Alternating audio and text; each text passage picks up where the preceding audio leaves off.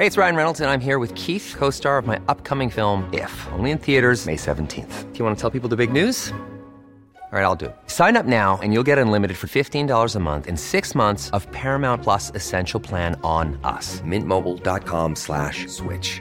Upfront payment of $45 equivalent to $15 per month. Unlimited over 40 gigabytes per month. Face lower speeds. Videos at 480p. Active Mint customers by 531.24 get six months of Paramount Plus Essential Plan. Auto renews after six months. Offer ends May 31st, 2024. Separate Paramount Plus registration required. Terms and conditions apply if rated PG. Ryan Reynolds here from Mint Mobile. With the price of just about everything going up during inflation, we thought we'd bring our prices down.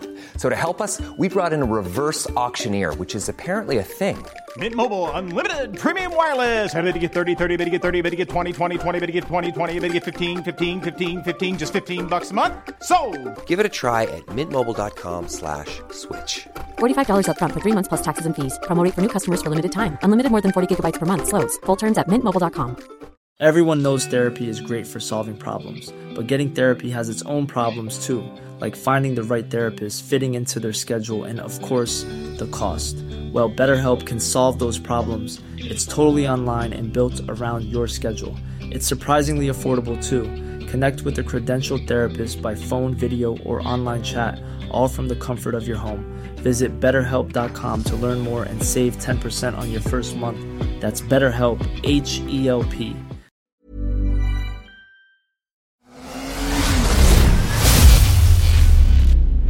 MC-podden. Du lyssnar på MC-podden. Jag heter Johan Ahlberg. Och jag heter Mikael Samuelsson.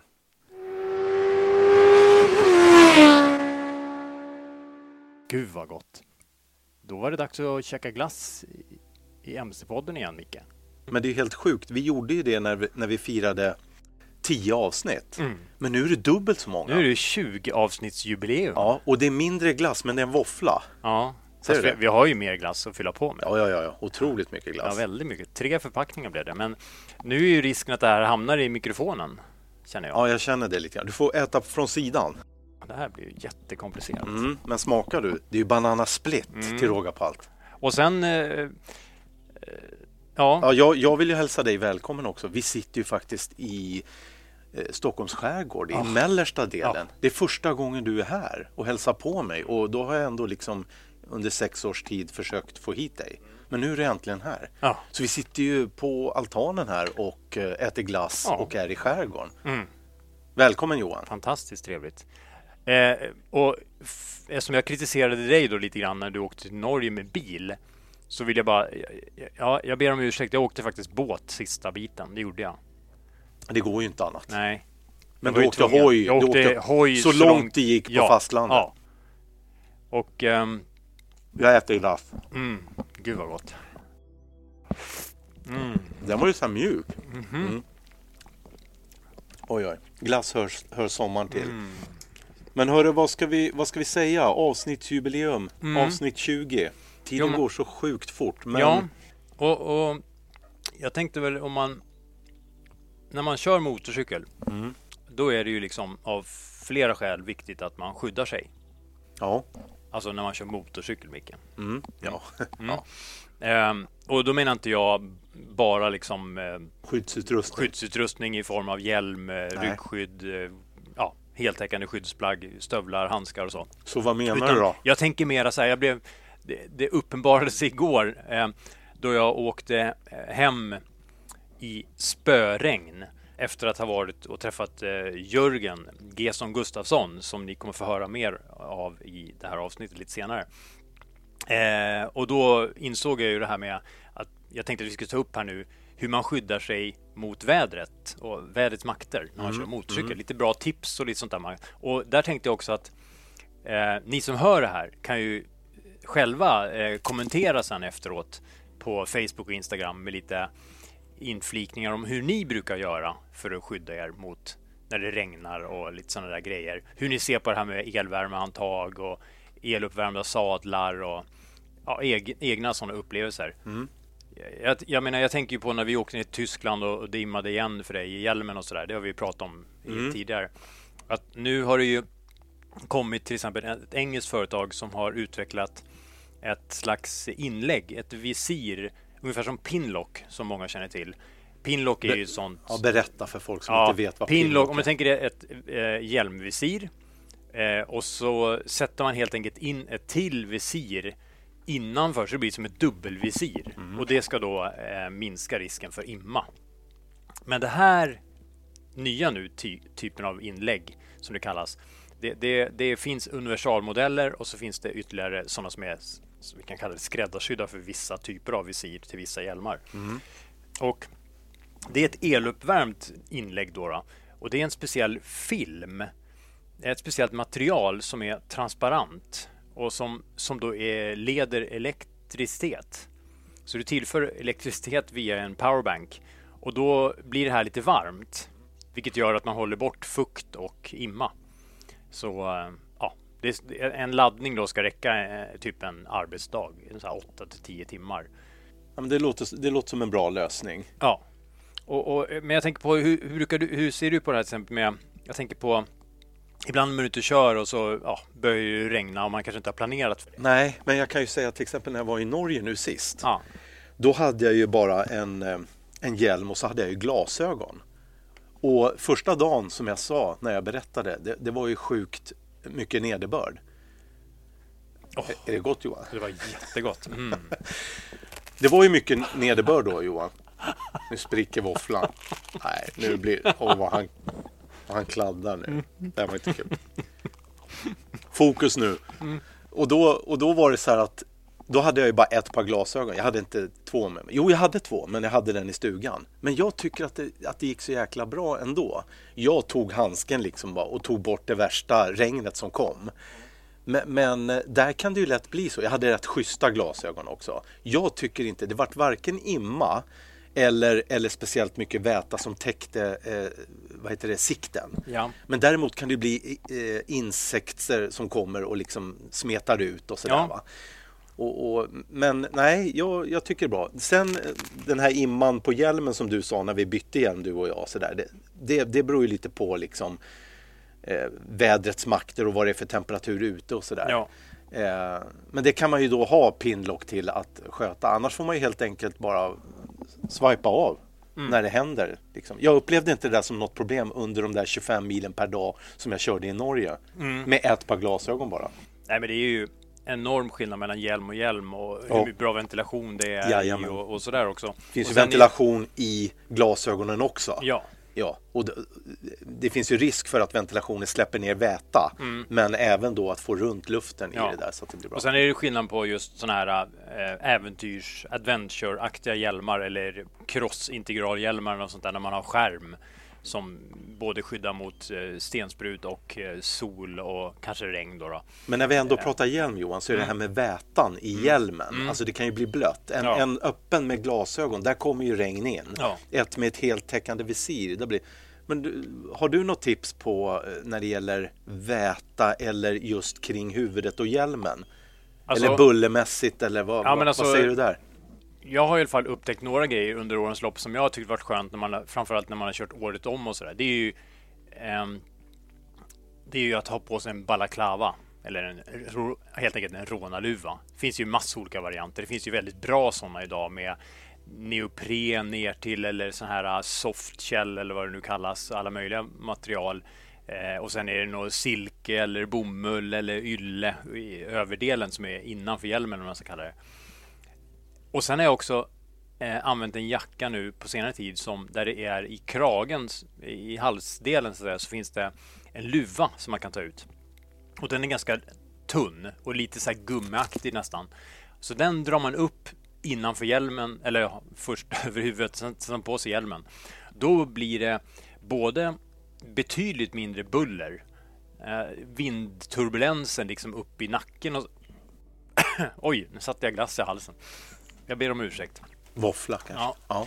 Nej, men ehm, eh, då och sen minskar ju bullret inne i hjälmen markant. Tack vare denna huva då? Ja. Tunna huva? Ja. Okej. Men eh, vi, för att förtydliga, både du och jag, vi kör ju med hörselproppar i. Ja, alltid. Och det är en sak som vi rekommenderar. Mm, vad det, sa det, du? Nej, förlåt, det var dåligt. Det var tråkigt. Jag, jag kan ju erkänna att jag inte alltid har kört med det när jag var yngre. Men, men nu gör jag det. Och det Mm. Ja. är för att spara hörseln. För det, det brusar ju och det, Ja. det är ju ett oväsen som inte är bra för öronen. Och där, där är det ju ganska intressant nu, som vi kör med de här um, eh, intercom-systemen nu. Hur pass bra man ändå hör fast man har öronproppar Ja, i. ja, ja, visst. Det kan vi säga för den som undrar. Ja. Det går att ha hörselproppar och ändå höra när vi pratar. Trafiken och allting också. Jag tycker inte det. Det är ju inget som ställer till. Man blir inte så att säga handikappad i den bemärkelsen att man inte hör eh, vad vet jag, utryckningsfordon eller en, Mm, nej. ett fordon som tutar eller något sånt där. Bero, beroende också på när du säger det här med, med rånarluvan eller sådär. Mm. Jag har alltid buff på mig. Helst en eller ja, till och med två ibland. Mm. Och det är ju liksom för att rånarluva under hjälmen har jag inte per default. Men, men jag kör med buff så att jag täcker till vid halsen i alla fall. Det är jag, rätt skönt. Men jag tycker ändå att om man inte har prövat så finns det ju massa olika balaklavor. Det finns ju med urtag som är två runda grejer för ögonen och så finns det ju andra som är helt öppna fram. Ja, och, Men att har man inte provat så tycker jag man ska prova om man nu upplever det som ett problem. Antingen buller eller eh, att det blir... eh, Alltså, man håller ju hjälmen fräschare. För du kan ju ha med dig ett antal balaklaver.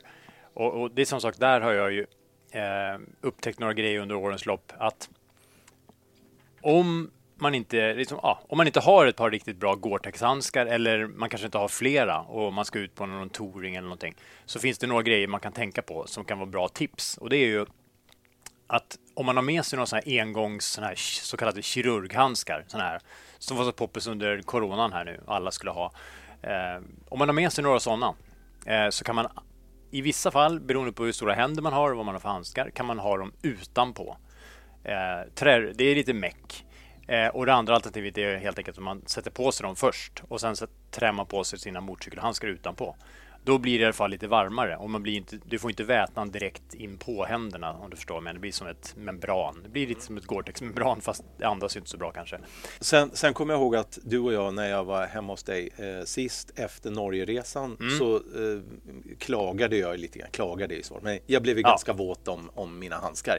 Som tur är så hade jag ju med mig ett par extra handskar så Ja. jag kunde skifta vid lunch. Men hur som helst så kom ju vätan in och då Ja. sa ju du det att du hade ju ett par, ett par ytterhandskar då Mm. och sen innerhandskar flera stycken Ja. Mm. så du bara kunde byta där och det lät ju smart. Det var ingenting Ja. jag direkt hade tänkt på. Jag hade ju tre par handskar med mig. Men, men det är inte kul att bli liksom blöt om händerna. Nej. Nu hade jag ju handtagsvärmare också.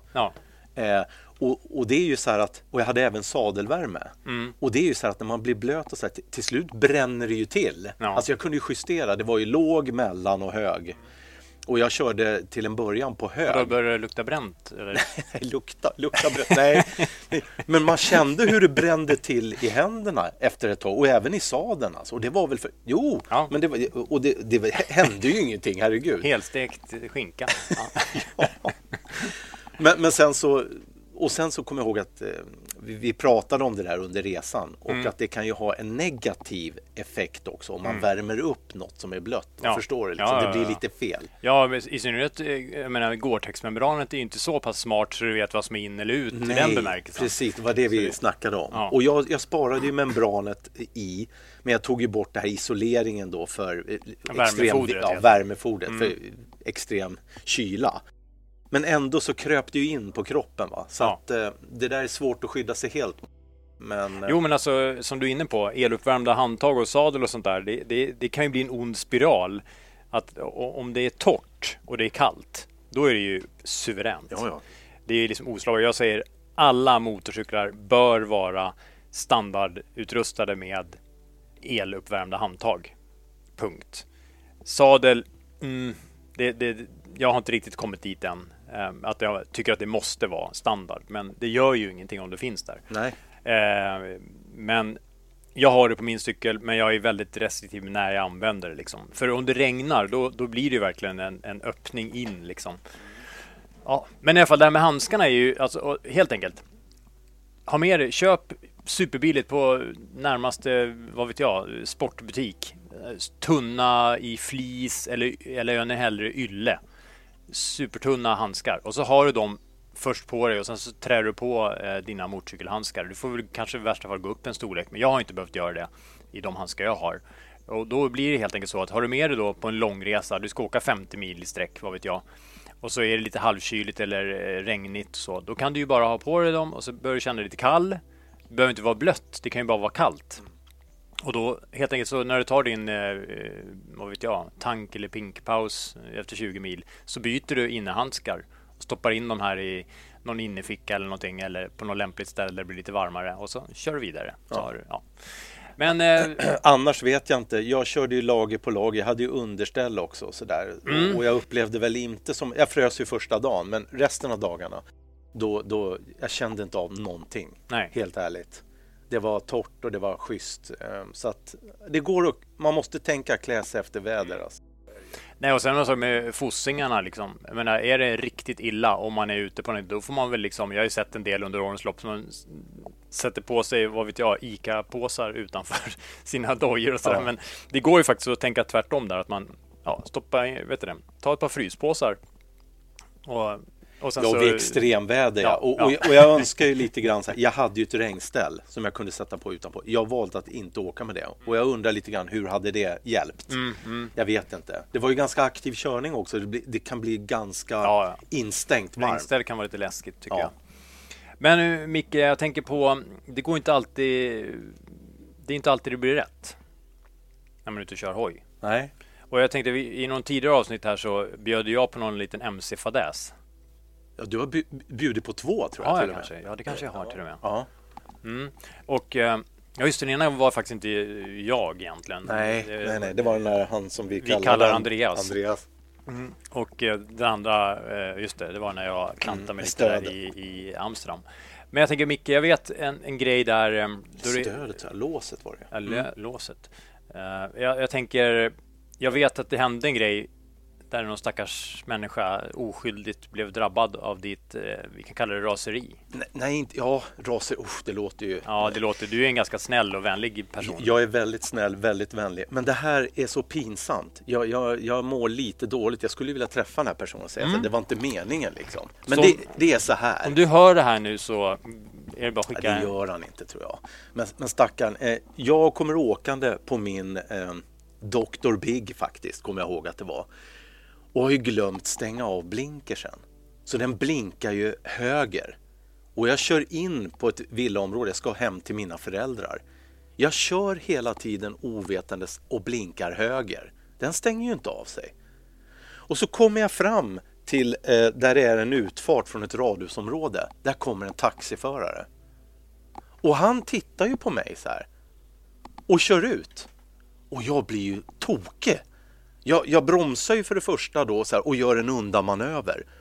Och gestikulerar till honom. Och, och hemska tanke, jag pekar finger för jag blev ju rädd.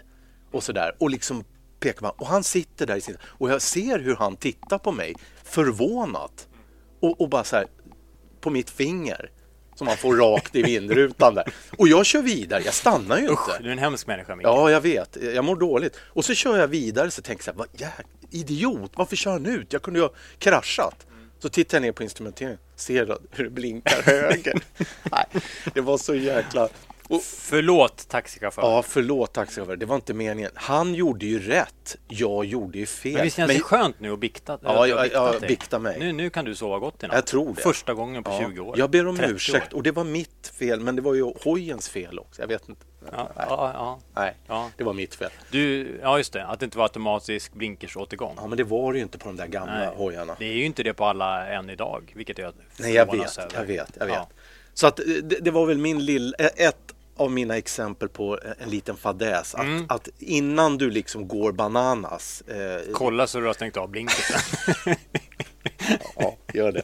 Ja. Det hade inte jag gjort. ja. Gud vad pinsamt. Ja.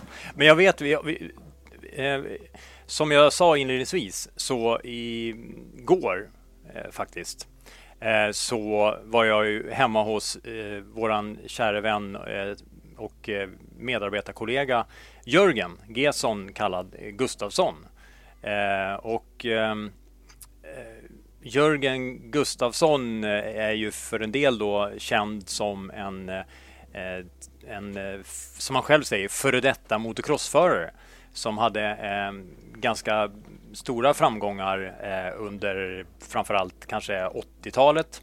Och eh, han, eh, under tio års tid så tävlade han i motocross-VM och eh, 84 blev han svensk mästare i 125-klassen i motocross och 86 så blev han eh, sexa på sin 250 kubikare i junior-VM. Och eh, han lyckades även köra till sig en pallplats i giganternas värstingklass 500-VM. Och eh, ja, och sen så har han kört hem eh, en silverplats i svenska 500-klassen och vunnit Nordiska mästerskapen och eh, ett stort andra eh, antal motocross-tävlingar under årens lopp. Och sen är det ju så här att Jörgen då, han, han älskar ju verkligen allt på två hjul. Även utan motorer. Så att när hans grabbar började hålla på och tävla i BMX och sånt så tyckte han ju, ja, men han, han kunde inte bara titta på utan han började ju själv köra. Och det där resulterade ju i att han, eh, eh ja, han, han eh, blev nordisk mästare och tvåfaldig svensk mästare i den här grymt vansinniga sporten downhill med mountainbike.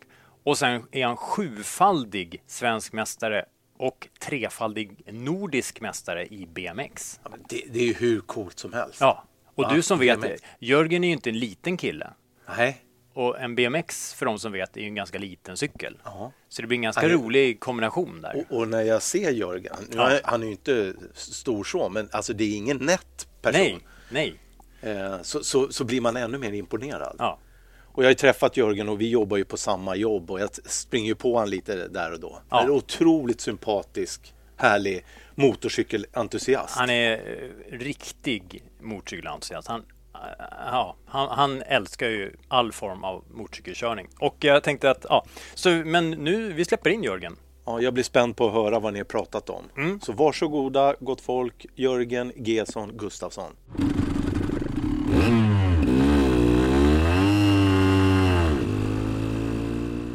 Jag heter Jörgen Gustafsson, kallas för Gesson i motorkretsar och är en före detta crossåkare kan man säga. Och eh, älskar allt på två hjul som brummar och inte brummar. Mm. Men du, du kommer ursprungligen från? Märsta är jag uppvuxen. Märsta norr ja. om Stockholm? Jajamän. Mm. Och eh, bor numera i krokarna kan man kalla det? Ja, eh, ute på landsbygden mm. i norra Vallentuna. Mm. Men eh, anledningen till att vi sitter här idag är ju att eh, du har ju ett gediget motorcykelintresse och som har varit under stor del av ditt liv har jag förstått. Eh, och vi träffades ju för en salig massa år sedan och eh, nu på eh, ja, du har ju varit liksom en del av eh, Fastbikes egentligen under, sedan 2007, mer eller mindre. Ja, eh, som... du och jag har ju känt varandra väldigt länge. Ja, precis. Eh, men stötte på varandra där någon gång. I någon grusgrop? Ja, precis. Jag mm. minns faktiskt ögonblicket. Mm. Och eh, du frågade om jag hade lust att hjälpa till med lite tester och sådär. Och mm. jag kände ja, men det kan vara kul. Mm. Och sen Sen dess har det rullat på. Ja. Åren går. Ja. Men, men eh, om vi backar bandet helt och hållet. Eh, hur, hur, började din eh, motorcykelresa egentligen? Hur kommer det sig att du började köra motorcykel överhuvudtaget? Jag tror faktiskt att det var mina föräldrar. De, mm. de hade ett umgänge med motorcyklister på den tiden. Landsvägsåkare. Mm. Men och så fick väl de barn tidigt först i det här gänget så att det blev ju att jag blev som en liten maskot där och fick hoppa runt på alla hojar och sitta från famn till famn och, och på den vägen tror jag det ja, grodde ett litet frö. Ja.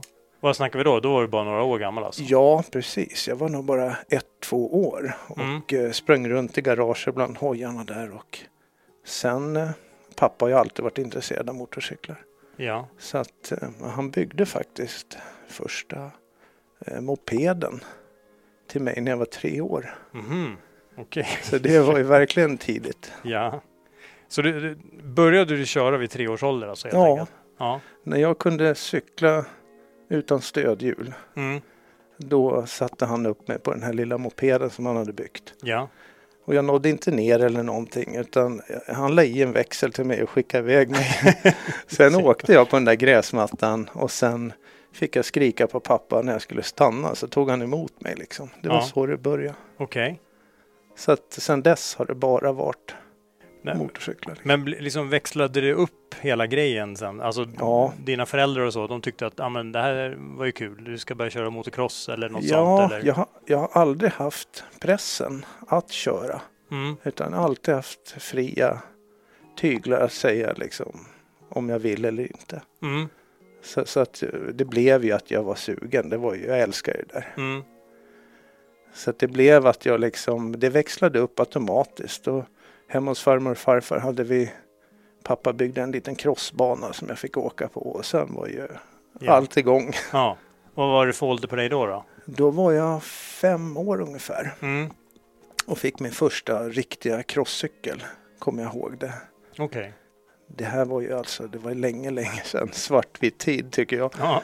Eh, det var en italiet 50 kubikare och den såg verkligen ut som en riktig crosscykel. Mhm. Så det var ju, det var ju tidigt. Det var ju, fanns inte så mycket bra krossar på den tiden. ja. Så det var jättekul. Så där, där började det. Hur, hur var det, tänker du, uppväxt i Märsta, var det Arlanda på den tiden också eller hur, hur såg det ut med motocrossbanor runt omkring där du bodde? Eh, På den tiden så fanns inte Arlanda MC utan Nej. det var Upplands Väsby. Det var Vikbanan. Ja, det var Ja. det som var stort. Så du fick åka till Vilda Väsby helt enkelt? Ja, de gånger jag fick köra där, för alltså jag var ganska liten och Mm. Men jag hade en kusin som tävlade lite cross där så det blev att jag åkte med honom och han åkte efter mig något varv på banan i Väsby där och Mm. backarna var ju enorma tyckte jag Ja, när man är så liten. ja. Men eh, så, ja, jag har alltid älskat det så det är liksom bara trumma på där. Mm. Men hur, när tog det liksom fart då? Alltså jag menar från att du inte riktigt kanske förstod det själv höll jag på att säga till att Ja, du det- det var satsa väl- det. Egentligen på 80 kubikstiden då började det bli lite såna här större tävlingar. Det fanns ju inte riktigt 80 kubikstävlingar på den tiden utan man anordnade stora tävlingar, liksom träffar där man körde liksom kval hit och allt det här så att då kunde det vara uppåt en 120-130 man. Mm. Och eh, det var de tävlingarna och då gick det ju bra. Och jag vet inte, det- det kändes som att ja, jag älskar det så mycket och jag var ämnad för det lite och det gick, det gick lätt för mig så att jag kämpade på där och resultaten gav ju mer sug hela tiden. Mm. Så att det var ju egentligen då, 80 kubikstiden, som det började accelerera liksom med cross och sådär. Nu snackar vi slutet på 70-talet då, då eller något sånt kanske? Ja, precis. Eh, fram till 77 någonting. Mm. Och fortfarande typ Vikbanan mycket Ja. och sådär? Eller? Ja, Mm. Arlanda fanns som, som grusgrop Ja. och där åkte man upp och då var ju de här storfräsarna där. Det var ju Thorleif Hansen, Mm. Håkan Karlqvist. Ja. De åkte där uppe i gropen och det var så häftigt för att vi fick ju också åka. Det var ju liksom allmän plats. Mm. Så de bara, ja, åk efter oss. Idag åker vi åt det här hållet. Så hade de gjort en bana. Okej. Så åkte man där liksom. Det var lite fulåka i ja, grusgropen? i grusgropen. Mm, och det är ju mm. samma ställe som Arlanda MC har bana på idag. Just det. Så att då var det ju liksom, det var coolt. Mm. Men, och sen då? Det här var fortfarande, det var liksom motocross för hela slanten Mm. och så här fortsatte det. Ja, jag eh, är ganska stor av mig så att jag växte faktiskt ur de här 80 kubiksklassen Ja. tidigt och på den tiden så fanns det ju inte storhjuliga 80 kubikare som det finns nu. Mm. Då var ju alla låghjuliga. Ja. Så då fanns det ingen naturligt steg för mig att gå vidare. Så att det blev att jag, eh, pappa sa att nej men det, det börjar se konstigt ut på den här lilla 80 kubikaren. Så att jag eh, valde att köpa en 100 kubikare som fanns ett tag då. Mhm. Det är med stora hjul men lite mindre chassi än en riktig 125 om man säger. Ja. Så den åkte jag med och utvecklingen gick väldigt fort och pappa insåg ju bara efter eh, kanske ett halvår att den där 100 kubikan den kommer gå av. så, så hjulen blev ju liksom åttkantiga och jag, jag körde lite för fort för, för den. Så Mm, mm. vi skaffade faktiskt en 125 79 Ja. eh, ganska omgående för att jag var så pass stor också och det gick så pass fort. Då. Mm. Så att det var ju jättekul. Sen tränade jag 125 i flera år innan jag ens fick tävla. Ja. För jag åkte 125 från att jag var kanske 11-12 år. ja. För att jag var så pass Och man fick börja tävla vid 14. 14 års ålder? Ja. Ja. Men, men jag tänker på, eh, liksom, var det här bara 100% lustbetonat? Eller var det någon, Ja. började, s- började du se någonting liksom framför dig att fasen, det här går ju bra? Eller Ja. sånt? Det hade jag nog innerst inne att jag, jag gillade utmaningar och eh, ju värre förhållanden ju bättre var det liksom. Och jag ville mötas man-man liksom. Jag, Mm. jag, det bodde en tävlingsjäkel i mig liksom. Ja. Så när, den, ja. när, började den, när började det ta fart då med racingen? Liksom, att du började köra? Ja, det var ju typ på 125 när jag började åka de här 125U hette det på den tiden. Mm. När jag var 14 år. Ja. Och då gick det ju jättebra där i två år. Jag fick ju åka ungdomsklassen där.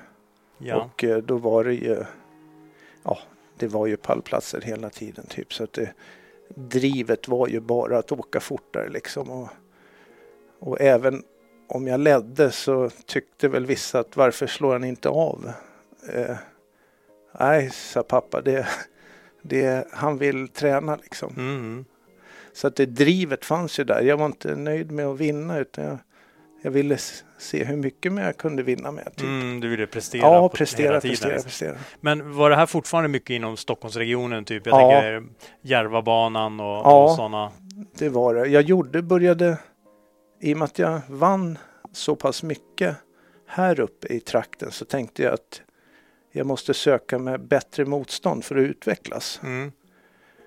Eh, så då började vi åka neråt Skåne och, och prova där och Göteborgstrakten och sådär. Och, och på den tiden så mötte jag faktiskt Peter Johansson och Mm. sådana. Så att det var jättekul att få mäta sig med dem och inse att jag hade bra fart och det gick bra också. Mm. Det känns ju Så som att vi eh, hade, eh, kanske inte just här och då, men eh, men lite senare där så var väl du inne i en sån era med ganska många svenska förare som Ja. höll ganska höga mm, nivåer. Liksom. Precis, det var ju det när man tittar bakåt i backspegeln så Mm. var det ju lite fina namn som gjorde sig bra i VM så att vi Mm. hade bra kvalitet redan på den åldern. Mm. Och det är det som är lite fostrande tycker jag. Men jag tänker, hur såg det ut på den här tiden? Jag tänker, eh, liksom, tänkt, var det bara körning, körning, körning? Eller var det så här, eh, verkligen, eh, var man duktig på fysträning, teknik, alltså tek, körtekniksbiten och sånt där? Eller var det bara kör bara? Nej, det var faktiskt, jag hade ju äran att få växa upp med Thorleif Hansen och Magnus Nyberg och de här stjärnorna Karlqvist och i närheten av mig. Mm. Och de hade ju vinterfys som vi kallar det. Så Mm. att redan vid ja, 14 års ålder så har jag fystränat eh, jättemycket. Mm. Hela vintrarna, flera dagar i veckan. Mm. Träffades och tränade då med de här stora killarna. Mm. Och de vill man ju slå. Så är det bara. Det, det var min målsättning. Mm. Och eh, en vacker dag när jag var ja, 17, 16, 17, 18 där, då var jag ju lika fysiskt bra som dem. Och det var ju det som var häftigt, det var det som drev mig. Mm.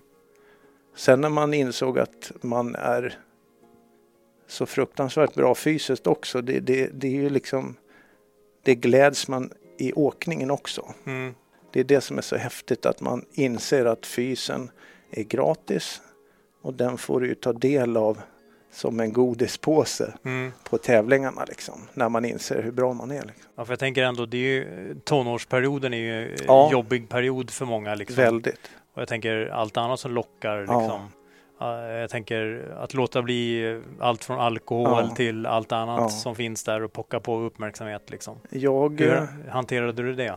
eh, det gick väldigt bra. Jag har faktiskt än idag i min ålder inte ens provat alkohol, eh, rökning eller snusat eller någonting. Så jag har aldrig provat någonting. Mm. Och det var ju på grund av att man redan vid 14 års ålder kom in i fysbiten och insåg att så mycket träning och tid som jag lägger ner eh, vill jag inte förstöra med alkohol. Mm. Det var ju det man blev inpräntad i. Mm.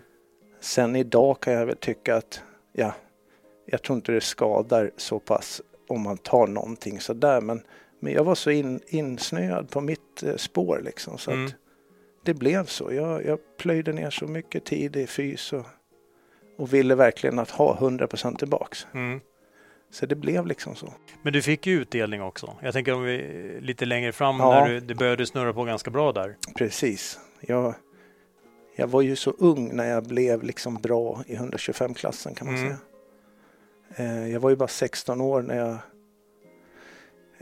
jag kom från ungdom så klassade jag upp mig till ja, B-förare var man på den tiden. Mm. Och så körde man några tävlingar tidigt på våren. 83 var det här. Och eh, då blev jag eh, fort eh, fick jag ihop A-förarpoäng. Så jag tänkte så att nej men pappa och jag pratade om vi kanske ska klassa upp dig till A-förare. För du hinner faktiskt upp till stora SM i 125 till första tävlingen. Första året. Så att vi gjorde det och eh, jag tror faktiskt att jag kom tvåa på första SM-tävlingen i 125 som jag åkte. Mm. Och du vet de killarna jag åkte med då, de hade jag bara sett i MC-tidningarna. Okej. Så du vet, jag blev nästan lite så här att jag svängde åt sidan om jag såg någon fräsare kom liksom. Ja. Men, Och de eh, var lite äldre än dig också? Ja, precis. Mm. De var ju det. Jag var Mm. bara 16 bast. Så att. Mm. Men det slutade faktiskt väldigt bra det året så att jag kom tvåa i 125 SM 83 Mm. som 16-åring. Ja.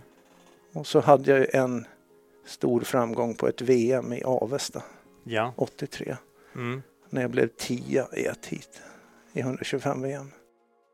Men, men jag tänker just på det här med eh, jag menar, du, du körde ju betydligt i större klasser också sen, lite senare. Ja, Och jag tänker det här med Kala, om man får hoppa lite till honom. mm. Och jag tror det finns väl ingen som inte känner till Håkan Kala Karlqvist, vare sig man är intresserad av motocross eller inte, kan jag Nej. tänka mig. Men jag tänker på, det, det finns någon story. Jag, jag kan ha missförstått något, jag kan ha helt fel, men där, ehm, om jag förstått det hela rätt, så skulle självaste Kala visa dig och dina Mm. lagkamrater inför något lag-VM hur man skulle hålla fullt genom någon S-böj på Arlanda körandes gympadojor och keps på huvudet. ja Ligger det, något san- sanning i det här? det ligger lite sanning i det med modifikation. Ja. för vad heter det? Det var så här att vi var faktiskt nere, då körde vi för Kawasaki och då var hela gänget nere i Frankrike var vi. Mhm. och tränade där och eh, Håkan var med och coachade oss lite och så hade vi problem i en backe med lite gropar och grejer och han sa Nej fan grabbar ni måste liksom håll fullt och åka uppe på väggen liksom tyckte han på kanten på väggen. Ah, sa vi det, det går inte riktigt va. Jo för fan ni, ni är ju dåliga tyckte han. Okej, ja, men visa själv då. Så då tog han en hoj där och eh, ja i, i tofflor och vände på kepsen bara och drog med den där Kava 500 på väggen. Mm. Helt perfekt. Och så kom han tillbaks och vi bara nu jävlar, nu ska vi, vi säger till han, sa vi. Det, det, det där var bara tur, sa vi. Mm. Okej, jag gör det igen då, så får ni se. Och han gjorde det igen. Ja, då blev man imponerad. Ja, Så att visst kunde han åka hoj alltså. Ja onekligen. Men jag tänker på, var det någon av er som lyckades sen då? Ja då, det, Ja. det gjorde vi. Det var, det var mer en cool grej som hände som, Mm. Som, som eh, Håkan var ju, han var ju ärlig, hård och ärlig liksom. Mm, Jag, jag mm. gillade han. Ja.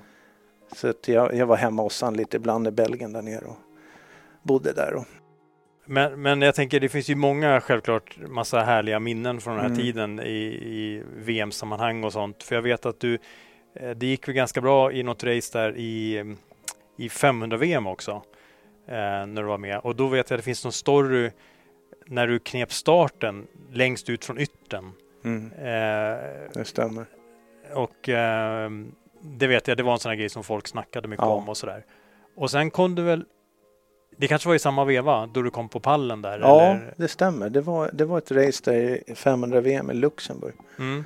Och då var det så här att jag hade inte ens någon mekaniker på det racet. Utan det var jag och familjen och ja, Filip var bara liten och låg i vagnen så att jag, var, Mm. vi hade ju fullt upp liksom och ingen meck. Så jag tränade korta sessioner på banan bara för att spara tid och sen i veckan hade jag lagt om däck och gjort ordning luftfilter så att allt var klart för att jag var ju ensam. Mm. Så, så när jag ja, satte en rätt så bra tid på, på tidsträningen till, till grinden så gick jag ner i Park Famer där och då gick jag ner med hojen och hade ett paraply med mig och fullt påklädd liksom. Och där stod jag med fabriksmekanikerna och de tittade på mig och undrade vad gör du här liksom? Varför har du inte mecken här? Mm. Nej men jag har ingen meck så jag. Va? Och då var jag nia på grinden och då så ställde jag mig, när jag fick välja som nia så ställde jag mig, jag ska ta längst ut på yttern för jag tror det är bra. Mm. Och de här Dave Torp och, och George Aubé, alla stjärnor ställde sig i mitten. Och på något vis så, ah, jag hade grymt driv där så att jag var först in i böj. Mm. Och då ledde jag väl några kurvor och sen blev jag väl omåkt sådär. Och, och sen till nästa hit så då insåg de nog att fan, det kanske var ganska bra där ute på kanten men de snodde inte min plats längst längst ut. Så Mm. jag ställde mig där igen och snodde starten i andra hitet också. Mm. Och då tänkte jag så här, nej nu jävlar ska de få se. Ja. Så då ville jag synas lite i rampljuset så då drog jag så mycket jag orkade i ett varv Ja. och hade Dave Torp bakom mig. Men jag fick lucka till honom och jag tänkte så här kan jag inte hålla på i 45 minuter som Ja. det var då. Så jag eh, åkte faktiskt lite åt sidan och vinkade om honom. Och då tittade han på mig liksom och tyckte, vad då ska jag åka förbi? Ja, gör, kör du. Mm. Jaha, så då ville jag ju se lite hans spårval och lite sådär. Så att jag slutade faktiskt trea där. Så att det Mm. var jättekul. Ja. Och den banan passade mig, den var tekniskt svår och sådär. Så det är roliga minnen man har sådär. Ja. ja, jag har ju onekligen eh, fått köra en del med dig under just eh, tester och sånt där eh, för fastbikes bland annat och så. Eh, och jag vet ju att du är väldigt just tekniskt eh, duktig liksom. Jag kommer så väl ihåg någon gång när jag blev så jag menar, jag, jag har också kört en hel del på bakhjulet, men jag, jag blev så imponerad för du kunde köra så oerhört långsamt med motorcykeln i princip Mm. rakt upp till bakskärmen och i princip var marken. Ja. Det, det kommer jag ihåg. Det, var, det blev jag så Ja, himla imponerad över. Så Jaha, att, eh, tack. så att, men är det någonting som du liksom, det har bara kommit eh, vad ska man säga, naturligt eller har du hållit på och nött mycket med sådana saker? För att du tyckt det varit Eh, kul eller? Ja, dels tycker jag att det är jättekul eh, med sånt och eh, balans och jag är väldigt så här, balansintresserad. Och, Mm, eh, men men det var, har alltid funnits där genom åren. Ända sedan jag var liten så var det så här att när man väl började bli seriös på cross och så då sa pappa alltid att ja, men, vi kör de här två passen som är lite längre mm, så att jag får f- träningen. Sen får du leka hur mycket du vill, liksom åka på bakhjul och hoppa och bromsa och hålla på och greja. Mm. Så att mm, jag hade den strategin hela tiden att jag ska göra mitt jobb, beta av det här för att det, det är viktigt och sen får jag leka. Så att det var, det var jättekul och jag älskar ju att hålla på och leka med hojen sådär. mm. Även jag har haft trailhojar genom åren också för att det är nyttigt för hojåkningen. Mm. Ja, men jag vet ju att eh, du har ju, ehm, eh, om jag är inte är helt förut, så har du ju under ganska många år hjälpt till på alla möjliga platser, men framförallt uppe vid Arlanda som just, som man säger, instruktör eller eh, tränare ja. i olika sammanhang. Jag Precis. vet du var med någonting, jag kommer inte ihåg exakt vad det hette, Kawasaki Challenge Ja. eller någonting sånt där också. Hjälpte du till, har jag för mig, jag Ja. kan ha fel. Ehm, som någon slags tränare eller instruktör för olika saker och sådär. Jag- och jag vet ju att du, du är väldigt mån om körställning, Mm. eh, stå upp, sitta ner Mm. när man gör det. Och, eh, liksom, är det någonting som också du, du brinner för att lära andra liksom, att utvecklas och så? Eller? Ja, eh, till och med mina barn säger att jag är för pedagogisk. Okej, ja. ja. Så att, som sagt var, jag älskar att lära folk köra. Mm. Allt från nybörjare till elit. Så att eh, jag, jag hjälper gärna till på olika ställen, klubbar, enskilt ibland. Och, Mm. och jag är väldigt eh, petnoga sådär. Så att eh, därför är det en utmaning ibland att ta sig an någon elitåkare där man får börja peta på små, små saker Ja. Som gör att de blir bättre. Mm. Och ibland så förstår de inte ens hur lite ändring vi behöver göra för att det ska bli bra. För de bara, hur menar du? Ja, jag menar 5 centimeter ditåt. Mm. Så kommer du märka skillnad. Jaha, är det så lite liksom? Ja. Likväl som att det är så roligt att få vara testförare på fastbike också genom alla år om man säger med att jag är så noggrann med hojar. Mm. Eh, känslig på små detaljer.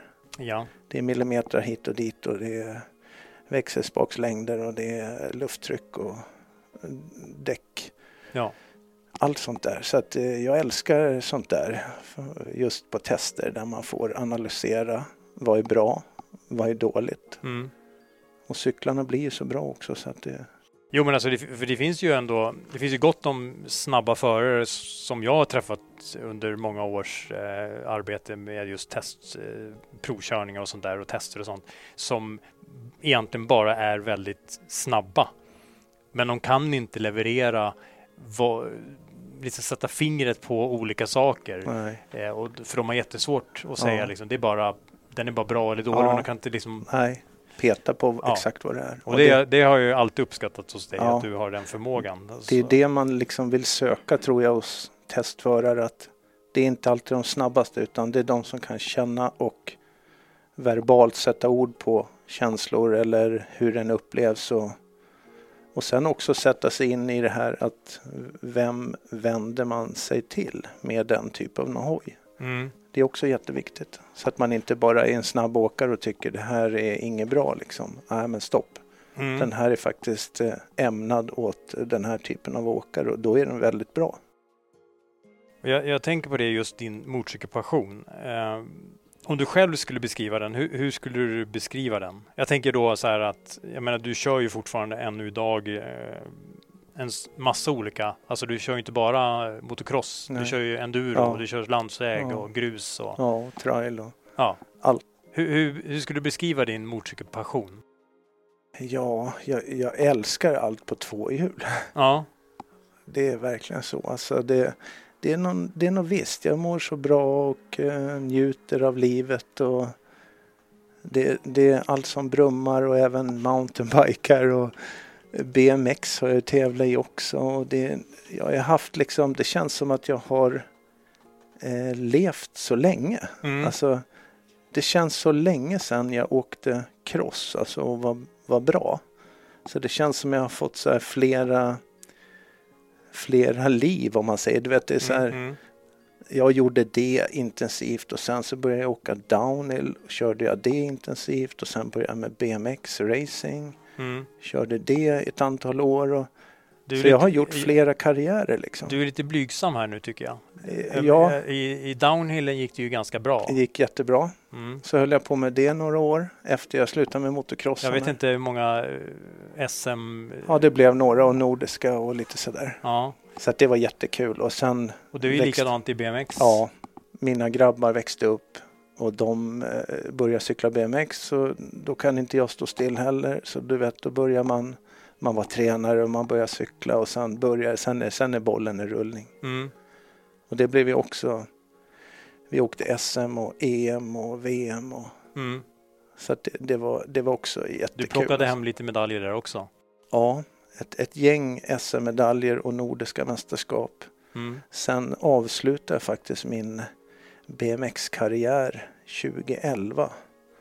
Då blev jag 11 i VM i, Par- i Köpenhamn. Så att det kändes som att nej, nu var det nog dags att Mm. släcka ner den här.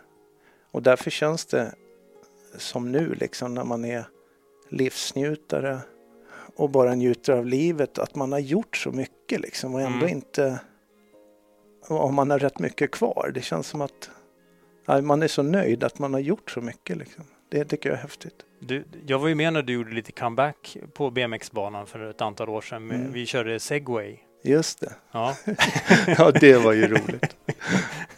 det gick sådär. Ja, Att hoppa med Ja. segway på BMX-bana, det, det ja man måste ju prova. ja, det var ju en rolig grej. Men det var så, det man ville testa. Ja. Och så är det ju med hela livet liksom. Jag, jag älskar ju alla såna här utmaningar och eh, jag har sagt ibland att jag är, är eller har varit en adrenalinkille. Mm, Att, eh, mm, fast jag är så lugn och rätt harmonisk så, så, så söker jag de här kickarna när det är nära att gå åt skogen. Då vet man att nu går det fort. mm.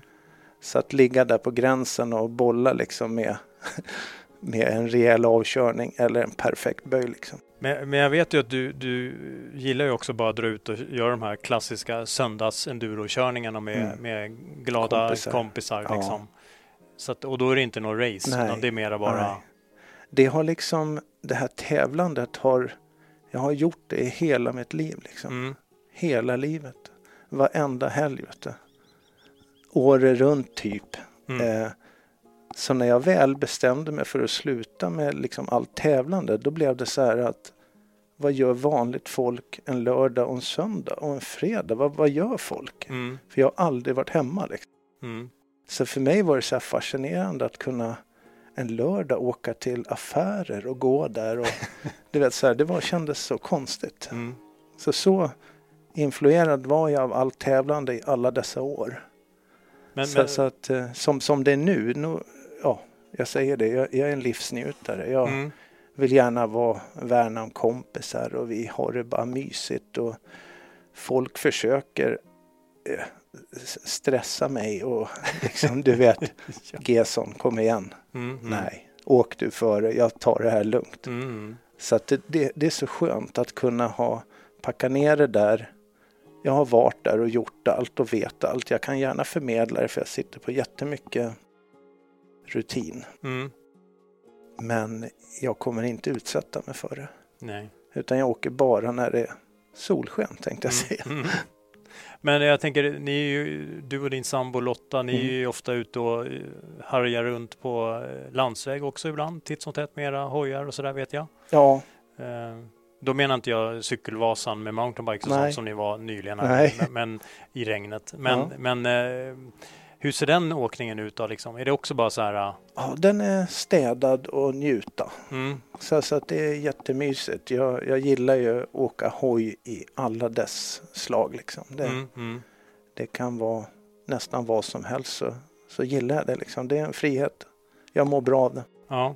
Men jag tänker så här, eh, du är ändå uppväxt eh, med förbränningsmotorer rakt, rakt av liksom, kan man Mm. säga. Hur, hur, skulle du, hur ser du på en framtid där alla motorcyklar är eldrivna? Ja, det är sådär med blandad känsla. Jag, jag, jag är uppvuxen med det här sköna motorljudet och man kan höra vad det är för kubik nästan och eh, känna dofter och allt det här. Men samtidigt så förstår jag också vad världen är på väg. Att man kanske någonstans måste börja tänka, tänka om lite.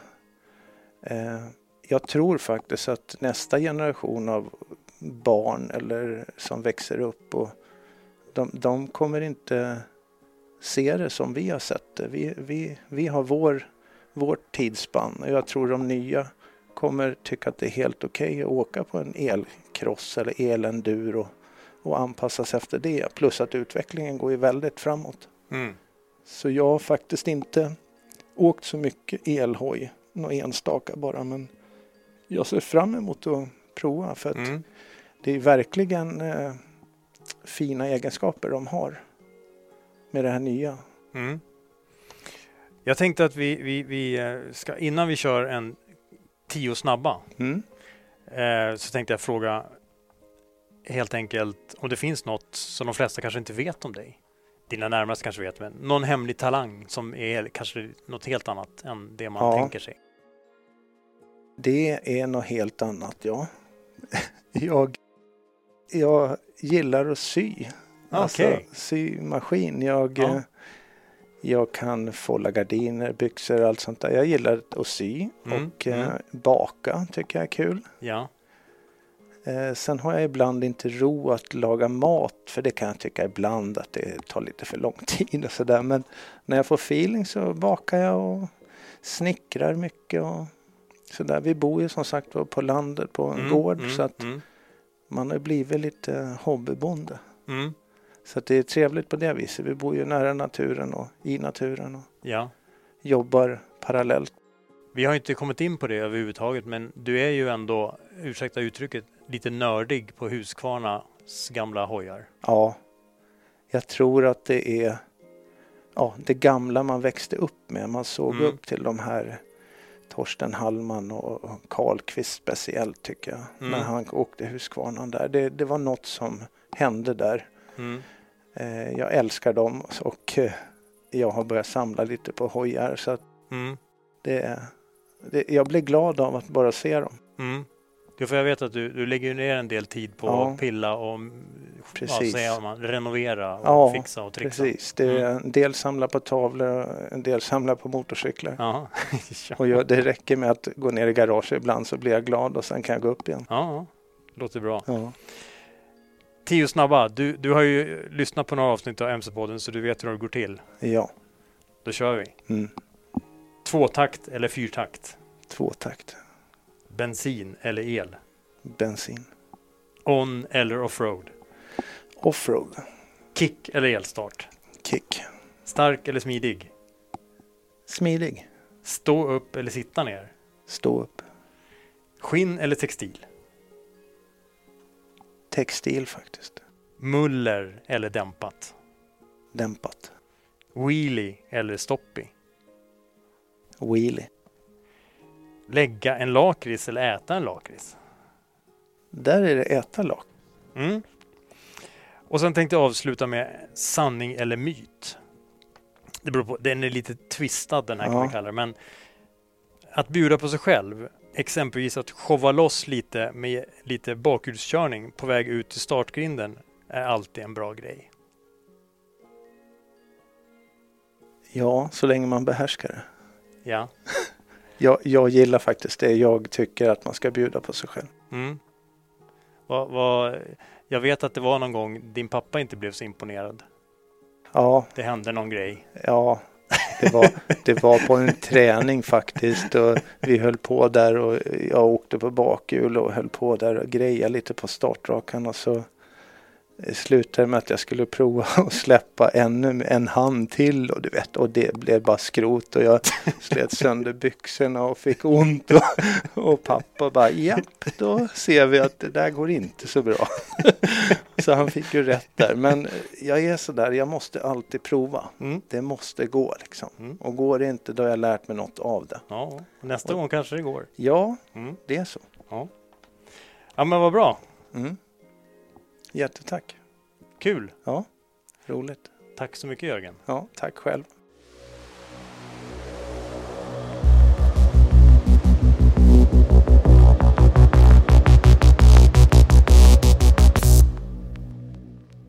Micke, apropå MC-fadäser. Det är mygg här. Ja. Eh, den här slutknorren här, eh, som jag då ville eh, få det till att det var sanning eller myt, det var ju lite en twist på den som jag säger. Eh, att han skulle vara lite cool där och imponera och göra, showa loss lite fram till startgrinden på racet på motocrossbanan. Hans pappa stod där och då skulle han ju köra lite på bakhjulet och det blev ju inte så bra. Det resulterade i lite ont lite här och där och lite spräckta brallor och lite sånt där. Så, alltså, det är ju en annan typ av MC-fadäs. ja, men visst är det det. Ja, fast det, det var ju... Ja, han pekade i alla fall inte finger åt någon. Så att, Nej. nej. Usch, nu, Alltså- nu får du mig att må nej. dåligt igen. Ja. Nu har du ätit upp din glass och jag sitter med den här eh, sista våfflan. Jag vågar Mhm. inte tugga den för det kommer att låta. Så vi skiter i det. Men, Ja. men eh, annars då? Jag tänker... Det känns ju som att... Vi vill inte säga att sommaren är slut, för det låter ju jättetråkigt. Det finns ju Nej, det blir- det jättelång blir tid kvar. Ja, det blir deppigt. Jag säger att sommaren är slut någon gång i slutet på oktober kanske, någonting sånt där. Kan vi börja prata om det. Men jag tänker ändå att den här tiden på året, vi har ju under hela sommaren brukar det ju poppa upp ganska mycket 2024 års eh, motocross enduromodeller. Men nu har ju även eh, i förra avsnittet tog vi upp att Ducati har börjat sin lanseringsprocess med att den här eh, Ducati Monster specialmodellen och nu, nu så eh, kommer ju ett antal andra eh, motorcykelnyheter helt enkelt.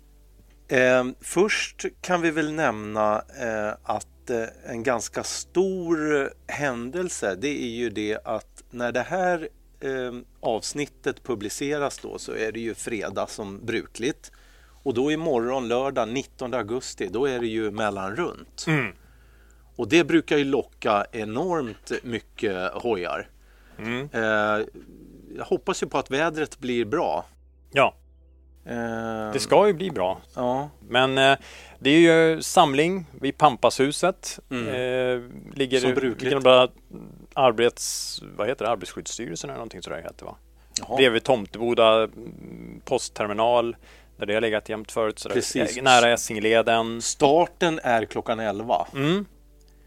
Och eh, då samlas man där och sen så åker ju alla ut då. då. Och rut- rutten går ju som vanligt. Eh, Medsols ja, precis. ner mot Södertälje. och Men det så- skulle vara någon förändring, ja, var det inte det? Precis. Efter Kvicksundsbron då, Mm. så ska man ta höger på väg 527 Ja. för att komma till Tidö slott. och MC Collection. Och Ja. MC Collection är ju den här fantastiskt fina ja, motorcykelutställningen helt enkelt. Mm. Ett MC-museum. Som, Och för den som ska delta då så, så skriver de ju också att man ska observera att vägen är mycket smal och att det finns mötande trafik så man Mm. tänker på det. visar lite hänsyn. Ja, Så. precis. Så det inte händer något där. Ja. ja, och sen i och med att det, det är nor- normalt och så även i år antagligen så brukar det bli fantastiskt mycket eh, motorcyklar. Eh, och då vill vi ju självklart på något sätt ändå att, eh, vad ska man kalla det? Den stora allmänheten som kanske inte kör motorcykel, som ser alla motorcyklar, ska ju ändå få en positiv bild av det här och inte få Såklart. en negativ bild. Så att, men annars då? Jag tänker, det är, det är, man brakar ju förbi där eh, Turinge kyrka i Turinge och sen vidare till, eh, vad är det? Sulas MC i Strängnäs, Strängnäs motorstadion, Munktellmuseet i Eskilstuna och så som du var inne på MC Collection i Tidö slott. Och sen är det ju Ja, det är ju en massa stopp där med lite Ja. aktiviteter så man kan ju stanna där och gå runt och kika på hojar och, och Ja. snacka lite med likasinnade. Då. Ja, ja, ja, det var lite kul grejer när jag tittade i schemat här.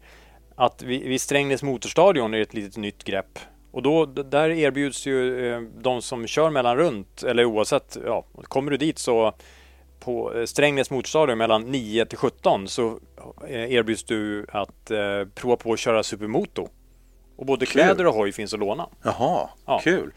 Eh, och sen en annan grej som är lite rolig. Eh, det är att Turinge kyrka i, i Turinge mellan 11 och 15 så har de drive-in bröllop. Så, eh, men det, det, man ska ju boka tid om man vill gifta sig. Så att, eh, ja, och ta med sig hindersprövning. Så det här kanske inte är något man bara liksom hoppsan hejsan imorgon bitti inser att jag vill, eller ja, jag vill gifta mig med någon person där som man stöter på. i- Drive-in bröllop är all ära men det går inte bara att komma dit. Nej, man kan inte bara liksom eh, kroka ihop med någon i, eh, någon i sällskapet där. Bara, den här personen vill jag gifta mig med och sen så åka in där och tro att det ska gå. Men vad vet jag. Ehm, Och sen blir det bröllopsresa då. Ja, resten, resten av trippen. ja, är Okej. perfekt. Kul. Ja. Men sen är det ju som vanligt eh, så Strul MCC i Enköping håller ju sin traditionella mellanruntfest. Och där är det ju, brukar det vara full fart med musik och mat och dryck och, och, liksom allmänt nice, härlig stämning. Och det erbjuds ju som vanligt camping där för de som vill.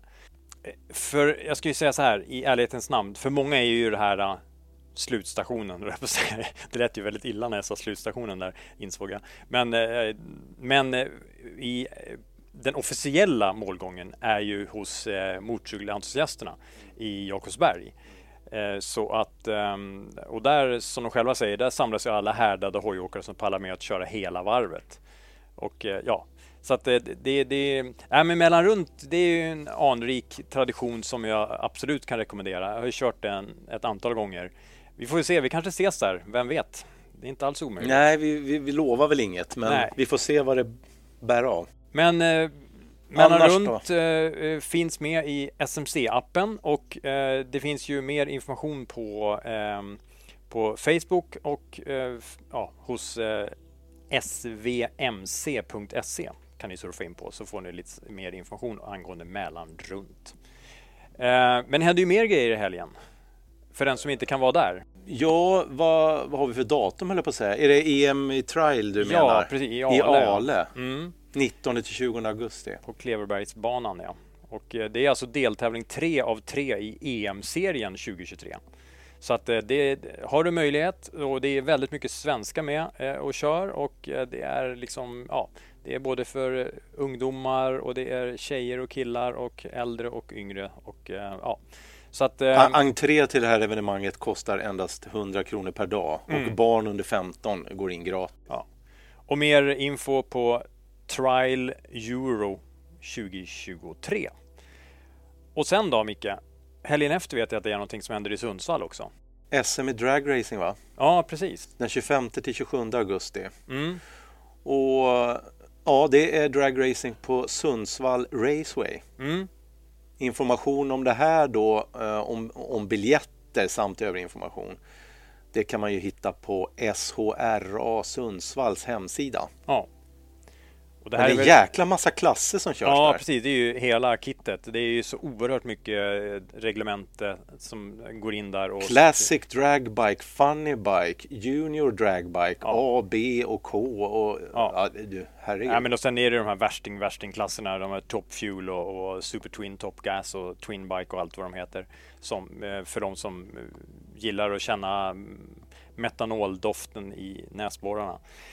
Eh, sen är det en lite grej för, lite längre fram i tiden. Det är ju att eh, nu har ju Isle of Man TT ganska, det, är ju ändå, det var ju ändå ett tag sedan det avslutades, men nu är ju redan datumen för 2024 års Isle of Man TT bekräftade. Och eh, de drar igång då eh, med eh, under måndagen den 27 maj med lite med eh, fri träning och kval. Och sen eh, så avslutas det traditionellt med Senior TT som eh, är planerat att äga rum den 8 juni 2024. Och det här är bara ett litet tips. Jag nämner det här nu att har du minsta tanke på att åka dit, boka nu. För det är så tajt och ja, Det har vi sagt i tidigare avsnitt Ja. och när vi pratade med Björn. Det, det går åt. Ja, det, det är både färjetransporter, flygresor, hyrbilar, boende. Så vill du dit nästa år så är det ett bra tips att fixa till det nu. Super. Ja. Eh, hörru du, har inte du varit på bio också? Ja, Va? det hör faktiskt inte till vanligheten tyvärr numera. Eh, men eh, jag Vad var ju- du och såg? Ja, men jag kände att jag var ju tvungen. Ehm, jag vet att du pratade så mycket om det vid något tillfälle här om Mission Impossible och eh, du hade sett på Youtube hur Tom Cruise hoppade ut från någon bergvägg i Norge där. och- Ja, och från sådär. en ramp som de... Ja. Ja, precis. Så då, då blev jag lite taggad på att gå på den där senaste Mission Impossible där. Där man då kan se då just Tom Cruise, Hollywoodskådisen, hoppa ut för det här höga berget med sin specialkittade Honda CRF 250. Eh, och det här stuntet, det är lite coolt för för den som inte vet så är det så att Tom Cruise, han har ju som någon slags hederskodex att han låter ju inte andra stuntmänniskor göra hans stunt, utan han gör ju allt själv. Ja. Och så även i det här fallet. Så han hoppar faktiskt på riktigt ut för ett högt berg i Norge. De har ju byggt en specialramp där Ja. och han har ju fallskärm på sig ska vi ju säga. Ja, precis. Och sen så släpper han motorcykeln och så hoppar han fallskärm ner där. Ja. Och det sjuka är ju att det finns en minidokumentär om det här på Youtube man kan eh, söka upp. Och då är det så att han börjar ju hoppa på crossbana Mm. Ja. för att få till liksom att känna hur man, hur man hoppar med en sån här Ja, hoj. ja. Och sen bygger de ju upp en eh, med skumgummi där han släpper hojen och åker med lina. Mm. Men sen bygger de ju upp den här vid det här berget då, jag kommer inte Mm. ihåg vad det hette. Men, men, och sen så kör ju de det där och de jublar ju de här stuntkoordinatorerna och allihopa som sitter. De har ju drönare och allt möjligt. Ja, ja. Så de jublar ju. Men det sjuka är att han gör ju inte det där en gång. Nej. Han gör ju det flera gånger. Ja, så, så då säger ju stuntkoordinatorn där Nej, Tom Cruise han gör inte det här. Han är inte nöjd. Han, han ville släppa hojen senare. Han ville göra någonting annat. Men han sa ju det också i en intervju såg jag. Att de använde första klippet i, i, i filmen. Ja, det var det de okej. använde. Ja, för jag vet att det, det heter i alla fall att han gjorde det sex gånger. På Ja, riktigt. säkert, säkert. Och, och, men det som jag tyckte var lite anmärkningsvärt ehm, med tanke på allt, allt arbete och alla risker och allt liksom kostnader, allting. Eh, och missförstå mig rätt. Jag tycker det är ascoolt. Och jag, eh, det är en riktigt ball grej han Ja, det gör. här med det här så kallade base jumpet ut för det här berget med motorcykel och allting. Men i filmen, när man ser den här scenen, så är det ändå det hade mycket väl kunnat ha varit så att säga Fake. animerat eller fake eh, trickfilmat som Så man pass, säger. så pass. Ja, alltså, nej, men jag menar det är så svårt idag att med dagens teknik att avgöra vad som är verkligt och vad som Jag är förstår. inte verkligt. Nu vet vi att han gör det på riktigt, Ja. så det är väl själva grejen. Men jag Ja. förstår vad du menar. Jag måste gå och se filmen, för den Ja. var väl bra i övrigt. Ja, nej, och, det, det, och sen är det ju det är lite fånigt kan man ju tycka, men det är ändå kul med just när det förekommer just motorcyklar i, i filmer. Så att, Ja. Och det händer ju lite då och då. Och, jag tänkte att vi kan i ett, i ett framtida poddavsnitt så kanske vi kan prata lite om filmer och med kända hojar. Mm. Ja. Men eh, det var någon annan spionfilm också från Netflix va? Där Ja. de har en eh, Speed. Mm. Triple 1200 RR i flera scener. Och den ser man även i trailern på filmen. Ja, jag har faktiskt sett den och den är väldigt Heart, fram... Heart of Stone. Heart of Stone. Den hade premiär bara för några dagar sedan på Netflix. Så att, ja. Men ja, det här var ju lite kuriosa kan man tycka. Men en, en viktigare nyhet, eh, om du frågar mig, så är det ju eh, att en ny KTM 1390, eller en Superduke 1390, ser ut att vara på väg eh, till 2024 nu. Det bara- låter, det, när man säger det så 1190 är lätt att säga, 1290, 1390, Ja. det låter... Jag hade ju själv en 990 och jag menar, och sen så har det bara brakat på liksom. Mm, nu Eh, 1390. Och det var ju helt, det var ju ett monster, alltså eh, inte Ducati monster, det var ju verkligen en, en riktig maffig, eh, extremt cool maskin som jag älskade att köra. Ja. Men, men eh, eh, nu har ju man, man eh, ja det finns både, eh, vad säger man, spionbilder. Eh, huruvida de här är spionbilder eller inte, eh, ja det kan man ju diskutera ibland. Mm. För ibland så är de här fotograferna väldigt lägligt på plats när de här maskinerna provkörs. Så jag, jag, Nästan som att det är stageat. Ja, lite så känns det som. Men, men att det är väldigt mycket som tyder på det här och sen huruvida, ehm, jag menar om vi säger så här, nuvarande modellen heter ju 1290 och i den sitter en 1301 kubiks enhet, alltså en motor i. Ja. Så om det här blir en eh, 1340 till eh, 1440 kubik, det, det får vi väl det, det, alltså någonstans däremellan kanske vi landar på om det är 1390. Det kan ju bli 1400 kubik och det kan ju bli 1350. Det, är liksom, det, är, det finns ingen riktig logik i den här 1390 att det behöver Nej, nej, betyda nej. att... Vi, vi får se vad det ger, men det, blir, det blir spännande att se. Ja. Så att, Ehm, det var det. Ja. Sen kan vi väl säga också att det här är intressanta då med BMW och deras frontkollisionsvarningssystem. Långt ord. ja, men det, det kommer ju att debutera då på en produktionsmodell som de skriver inom en snar framtid. Mm. Eh, Ja. ja. Ehm, vad, vad ska vi gissa på? Ja, men alltså med tanke på hur vi, vi i- jag, tror, jag kommer inte ihåg om det var i förra eller om det var två avsnitt sen som vi pratade om att BMW eh, har presenterat och de, de kommer ju komma nu här ganska snart med eh, sin nya offroad äventyrsmodell R1300 GS.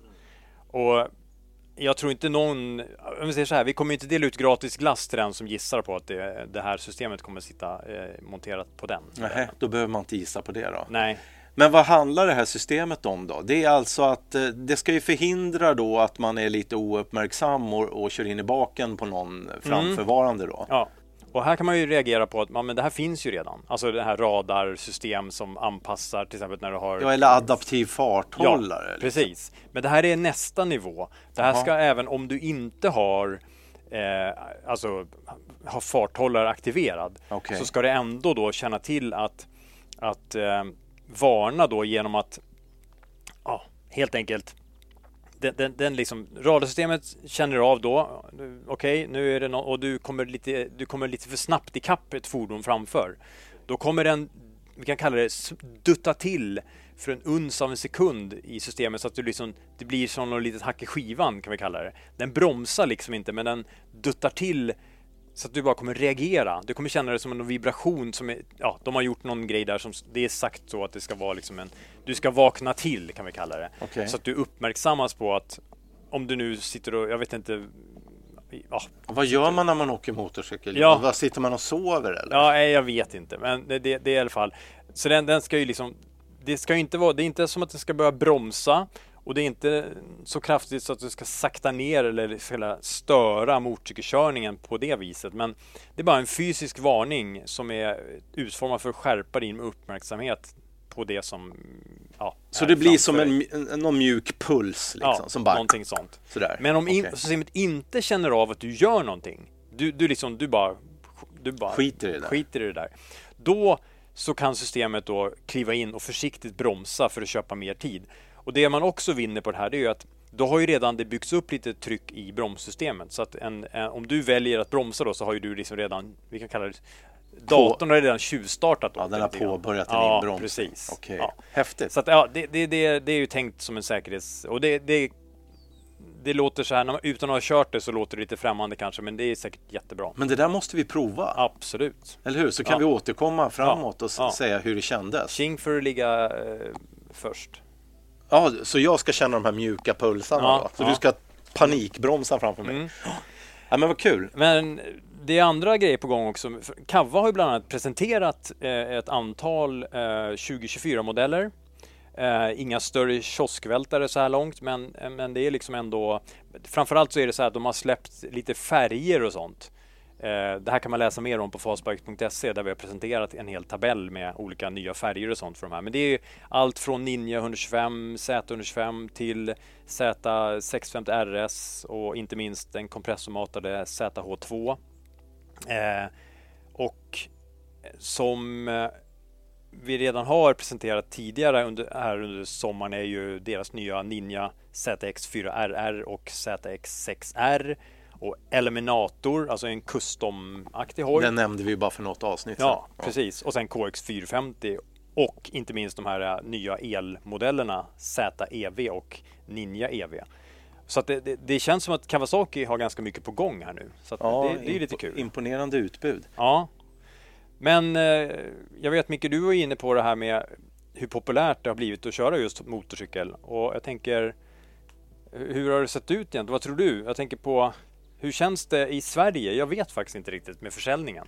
För att man, man kan ju tro att det liksom ska vara lite negativt med ekonomin och sådana här saker. Men jag tycker det verkar ha varit annorlunda ändå faktiskt.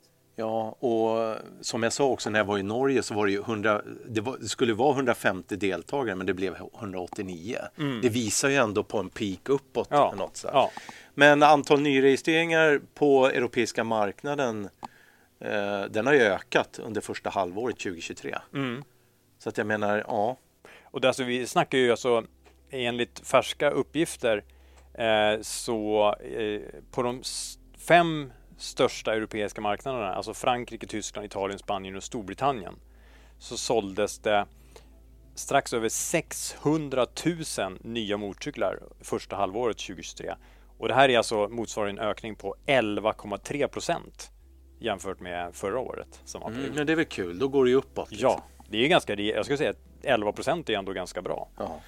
Ehm, och ehm, ja, så att vi, vi snackar liksom eh, även i de här länderna som jag vet har haft, ja men som om man tittar på Italien som har haft stora ekonomiska problem. Där har ju stuckit iväg med över ja, 19 procent. Så att det, det är liksom, ja men det ser, ser bra ut. Ehm, så att eh, vi får väl återkomma lite i ärendet när det gäller den svenska marknaden. Där kan man säkert se lite också ehm, hur det ser ut med eh, antalet körkort och sånt där också. Eh, ja, hur, hur intresset är på körskolorna och sånt Exakt, kan vi exakt. återkomma till. Ja. Men eh, då är det väl nästan som så att det börjar närma sig slutet av det här eh, 20-årsjubileet.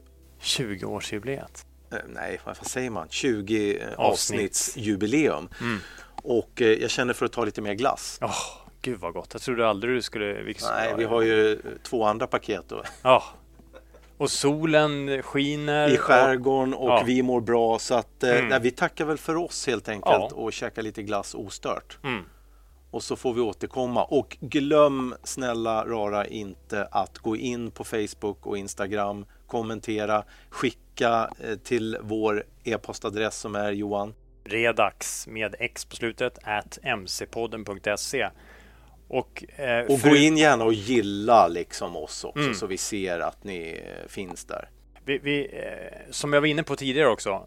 Har ni något tips som vi kan dela med oss av? När det är med, med klädval och hur gör du när det ja, det kanske uppkommer väderlek eller någonting som du inte har räknat med lite så här, du är ute på någon resa. Så här. Har du några bra tips om vad som har funkat bra för dig? Ja, eller, eller, eller en, e- inte bra? eller en egen, egen eh, fadäs Ja. som någon vill dela med så kan Ja. vi ta upp den. Bara. Jättegärna. Ja. Ja. Så högt som lågt. Eh, positiva, roliga grejer, alltid roligt. Ja. Ja. Men då så, då tackar vi härifrån då. Ja, Och så hörs vi snart igen. mera glass åt folket. Ja, Ja. ha det bra Johan. Ha det bra Micke. Tack. hej. hej. hej.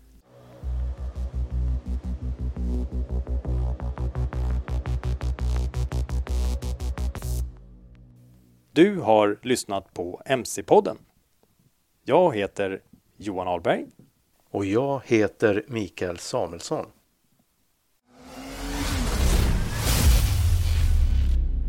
MC-podden.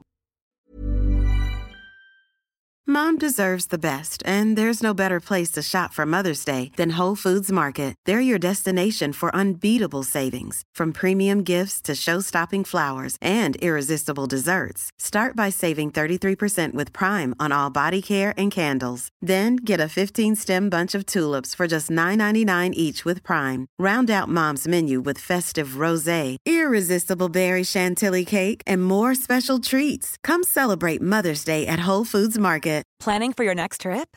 Elevate your travel style with Quince. Quince has all the jet setting essentials you'll want for your next getaway, like European linen, premium luggage options, buttery soft Italian leather bags, and so much more. And is all priced at 50 to 80% less than similar brands. Plus, Quince only works with factories that use safe and ethical manufacturing practices. Pack your bags with high-quality essentials you'll be wearing for vacations to come with Quince. Go to quince.com/pack for free shipping and 365-day returns. Imagine the softest sheets you've ever felt. Now imagine them getting even softer over time. That's what you'll feel with Bowl and Branch's organic cotton sheets. In a recent customer survey, 96% replied that Bowl and Branch sheets get softer with every wash. Start getting your best night's sleep in these sheets that get softer and softer for years to come. Try their sheets with a 30-night guarantee. Plus, get 15% off your first order at bowlandbranch.com. Code BUTTERY. Exclusions apply. See site for details.